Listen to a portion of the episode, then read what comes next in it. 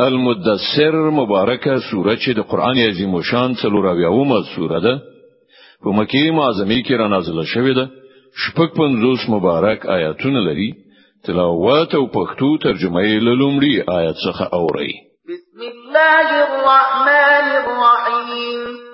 د الله په نوم چې ډیر زیات مهربان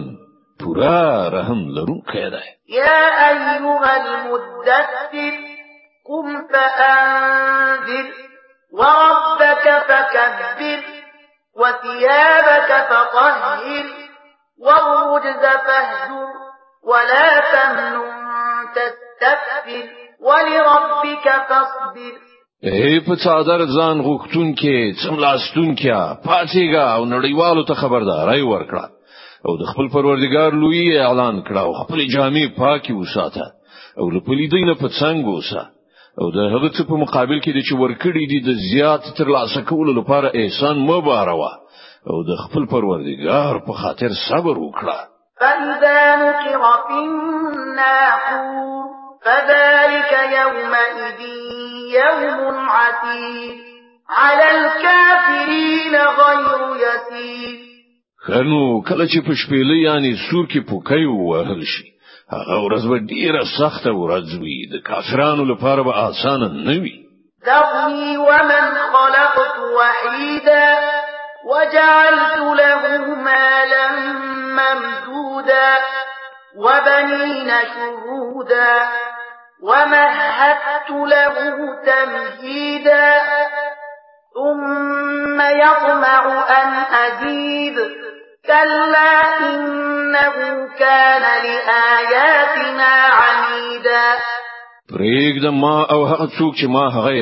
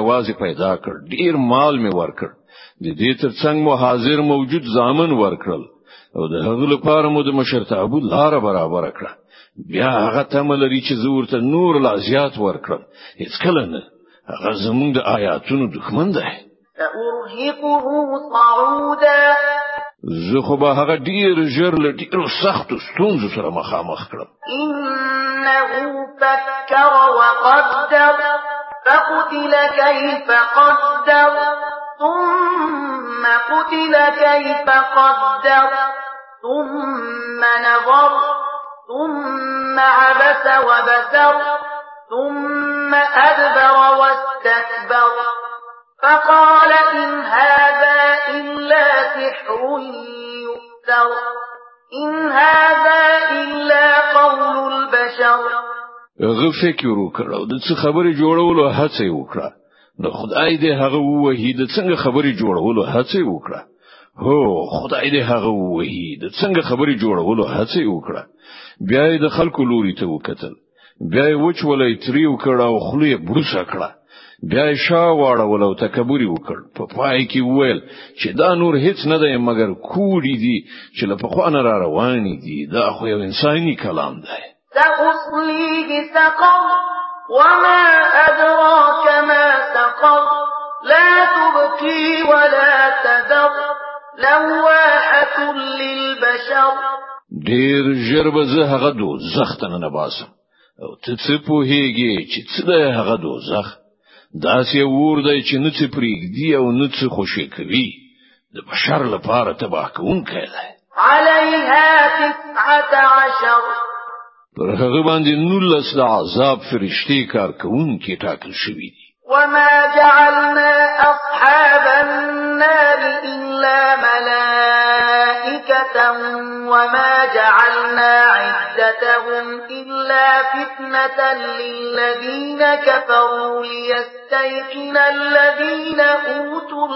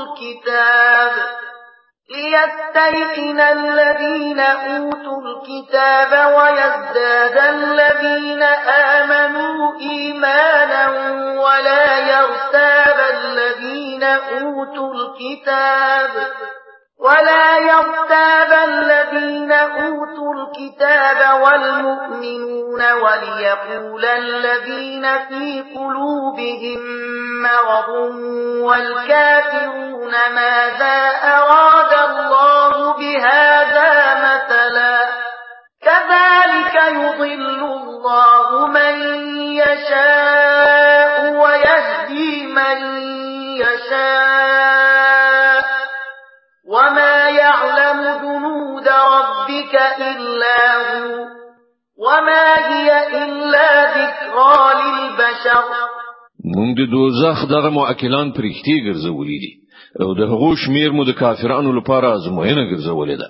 تر څو چې د اهل کتابو باور راشي او د مؤمنانو ایمان زیات شي او اهل کتاب او مؤمنان په کوم شک کې پاتې نشي او د چا چې په زړه کې ناروغي ده او کافران دا وایي چې خنو د الله د دې عجیب خبرې نه څه مطلب کېدای شي په دې ډول چې د الله چاته خوښ شي گمراه کوي او چاته چې خوښ شي لار ورخي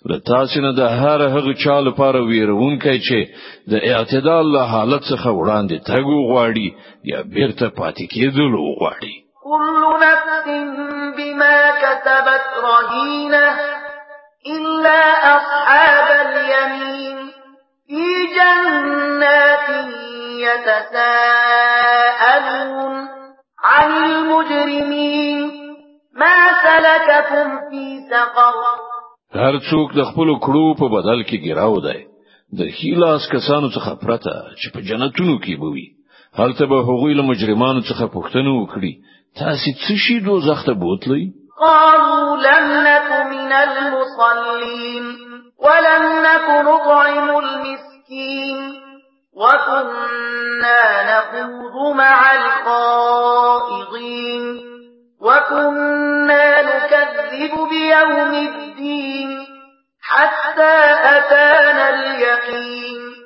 غوی به وای موږ له منځ کوونکو څخه نو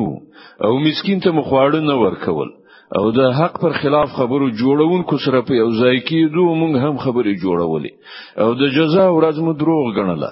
تر دې پورې چې موږ له هغه باوري شي یعنی مرګ سره مخامخ شو